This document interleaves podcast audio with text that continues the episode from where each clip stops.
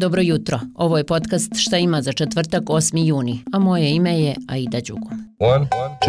Three, Dvije entitetske vlade u Banja Luci imaće sjednicu, a iz vlade Federacije BiH i vlade Republike Srpske ocjenjuju kako je to korisna i neophodna praksa. O čemu će govoriti, Srni je objasnio Radovan Višković, premijer entiteta Republika Srpska.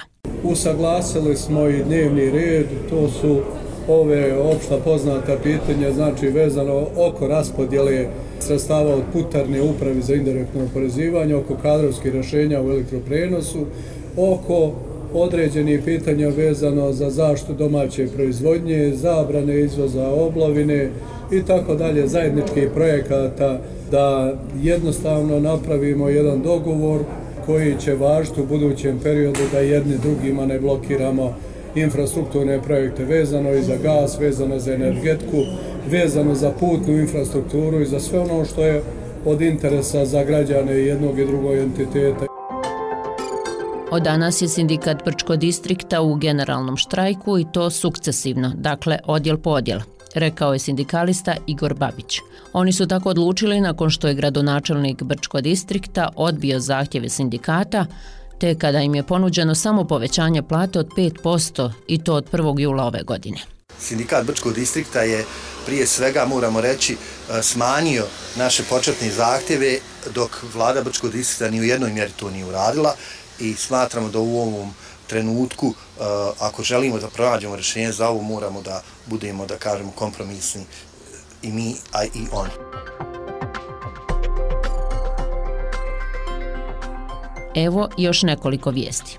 Na Jahorini će danas i sutra biti održana konferencija o migracijama. Uz podršku Međunarodne agencije za migracije definisat će se koraci u provođenju Skopske deklaracije potpisane prošle godine, a to se odnosi na načine rješavanja krijumčarenja migranata i trgovine ljudima, povećanje pristupa alternativnim putevima za migrante u dugotrajnoj tranzitnoj situaciji i rad na holističkom pristupu upravljanja povratkom značajne teme. A sud Bosne i Hercegovine izreći će i prvostepenu presudu Milanu Đokiću i drugima. Tužilaštvo BiH zatražilo je da osmorica bivši pripadnika policije budu osuđena za progon mučenjem bošnjačkog stanovništva u Janji od 1992. do 1994. Tužilaštvo ih optužuje da su počinjeli zločin protiv čovičnosti.